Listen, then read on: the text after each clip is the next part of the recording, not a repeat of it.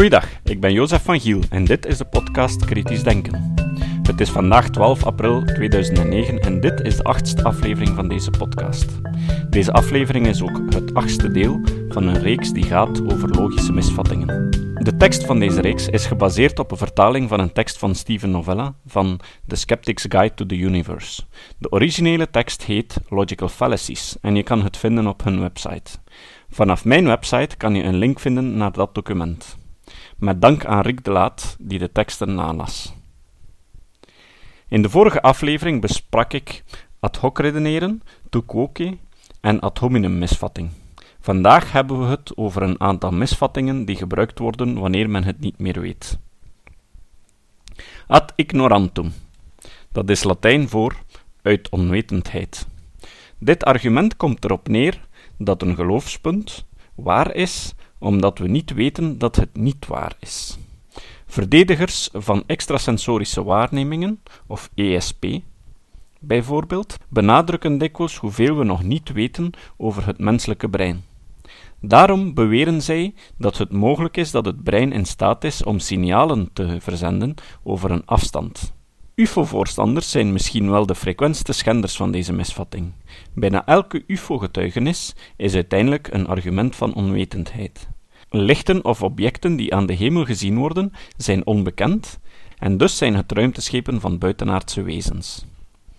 Het kernargument voor intelligent design is net dat er in de natuur dingen bestaan die nog niet volledig verklaard zijn door de evolutietheorie.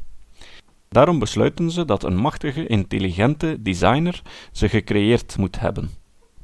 Als atheïst krijg je dikwijls het verwijt te horen dat het zeer arrogant is om er als mens van uit te gaan dat er geen God bestaat, omdat de mens niet alles kan weten. Het feit dat we niet kunnen weten dat er geen God bestaat, betekent niet dat hij wel bestaat. Afwezigheid van bewijs verwarren met bewijs van afwezigheid. Deze misvatting snijdt aan beide kanten. Met andere woorden, men kan veronderstellen dat de afwezigheid van bewijs aantoont dat een bewering of feit niet klopt.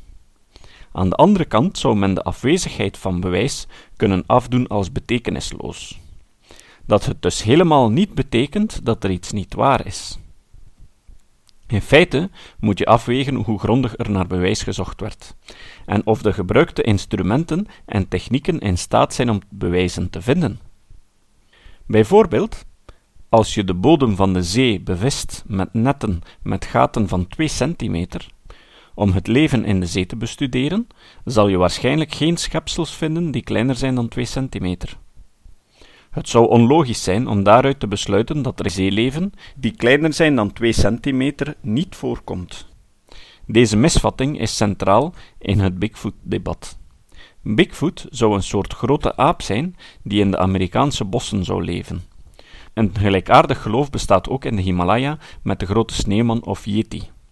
Gelovers in Bigfoot beweren dat de afwezigheid van hard bewijs over het bestaan van Bigfoot geen bewijs is dat Bigfoot niet bestaat. Sceptici echter argumenteren dat een populatie van grote zoogdieren die in Noord-Amerika leven toch enige sporen zouden moeten nalaten, zoals een occasioneel kadaver bijvoorbeeld. Gelovigen maken gebruik van deze misvatting om te argumenteren dat de kans dat God bestaat 50% is. Bertrand Russell maakte hieromtrent de vergelijking met de vliegende theepot. Hij postuleerde dat er ergens tussen Mars en Jupiter een theepot in een baan rond de zon draait. Het is onmogelijk om te bewijzen dat dit niet waar is. Toch kan je moeilijk aannemen dat de bewering van Russell een waarschijnlijkheid heeft van 50%.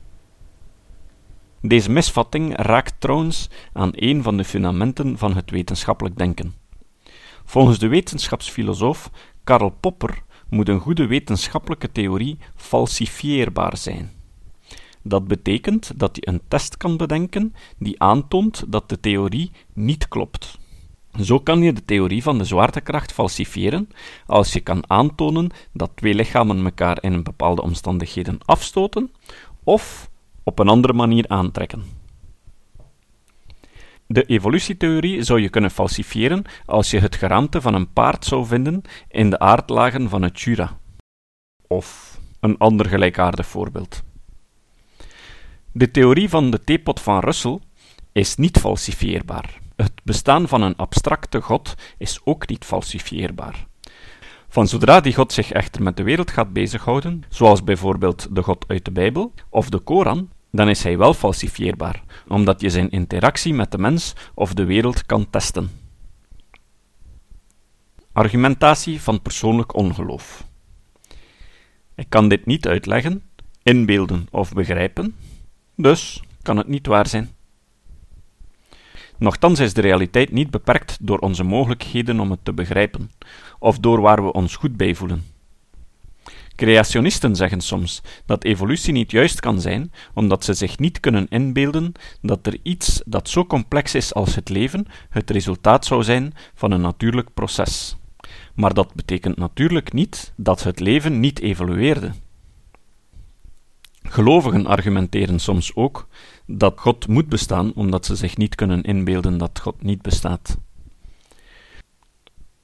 Er zijn nogthans heel interessante proeven die aantonen dat het intuïtief inzicht van een mens soms heel bedrieglijk kan zijn. Een heel bekend voorbeeld daarvan is het Monty Hall-probleem uit de waarschijnlijkheidsleer.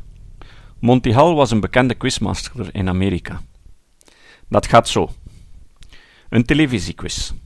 Bij de finale plaatst de quizmaster de winnaar voor drie gesloten kastjes.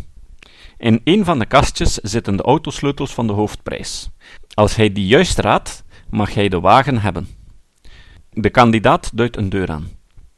De quizmaster wil de spanning erin houden en gaat naar de kastjes en opent een van de kastjes die de kandidaat niet had aangeduid. Dat kastje is natuurlijk leeg. Dan zegt de quizmaster aan de kandidaat dat hij nog van gedacht mag veranderen en eventueel de andere deur kiezen die nog gesloten is. De vraag is nu: wat kan je best doen? Bij je eerste gedacht blijven? De andere deur kiezen dan deze die je eerst aangeduid had? Of maakt het helemaal geen verschil? Bijna alle mensen antwoorden op dit vraagstuk dat het helemaal geen verschil uitmaakt. Want alle deuren hebben toch een derde kans op de hoofdprijs. Nochtans is het juiste antwoord dat je van keuze moet veranderen. Wanneer je aan mensen dit juiste antwoord geeft, dan geloven ze het niet. Je kan het nogthans wiskundig uitrekenen, of gewoon samen met iemand anders verschillende keren proberen, en dan zal je vaststellen dat als je van keuze verandert, je in twee derde van de keren prijs hebt. Terwijl je slechts in een derde van de keren prijs hebt als je niet verandert. Op Wikipedia kan je een uitgebreide uitleg vinden door te zoeken naar het drie-deuren-probleem. Ook op mijn blog ga je een link vinden naar deze bladzijde op Wikipedia. Subtype: zich beroepen op het bespottelijke. Deze vorm van argumentatie, van persoonlijk ongeloof, betoogt dat een bewering fout is omdat ze bespottelijk lijkt.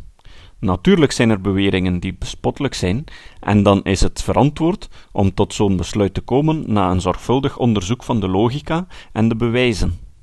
Maar het is een misvatting om een bewering a priori af te wijzen door het eenvoudigweg bespottelijk of absurd te noemen. Veel ideeën die oorspronkelijk ver gezocht leken, zoals de notie dat ziekten veroorzaakt worden door onzichtbaar kleine organismen, of ruimte en tijd die relatief zijn, werden later wetenschappelijk bevonden. Ook de kwantummechanica staat bol van dergelijke voorbeelden.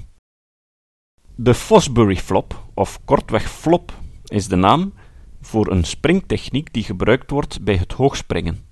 De techniek is op de Olympische Spelen van 1968 in Mexico-stad geïntroduceerd door de Amerikaanse atleet Dick Fosbury. Overigens is Fosbury niet de uitvinder van de nieuwe techniek. Reeds in 1912 gebruikte zijn landgenoot Clinton Larsen een vergelijkbare sprongtechniek. Fosbury werd toen door het publiek met hoongelach onthaald voor zijn belachelijke sprong.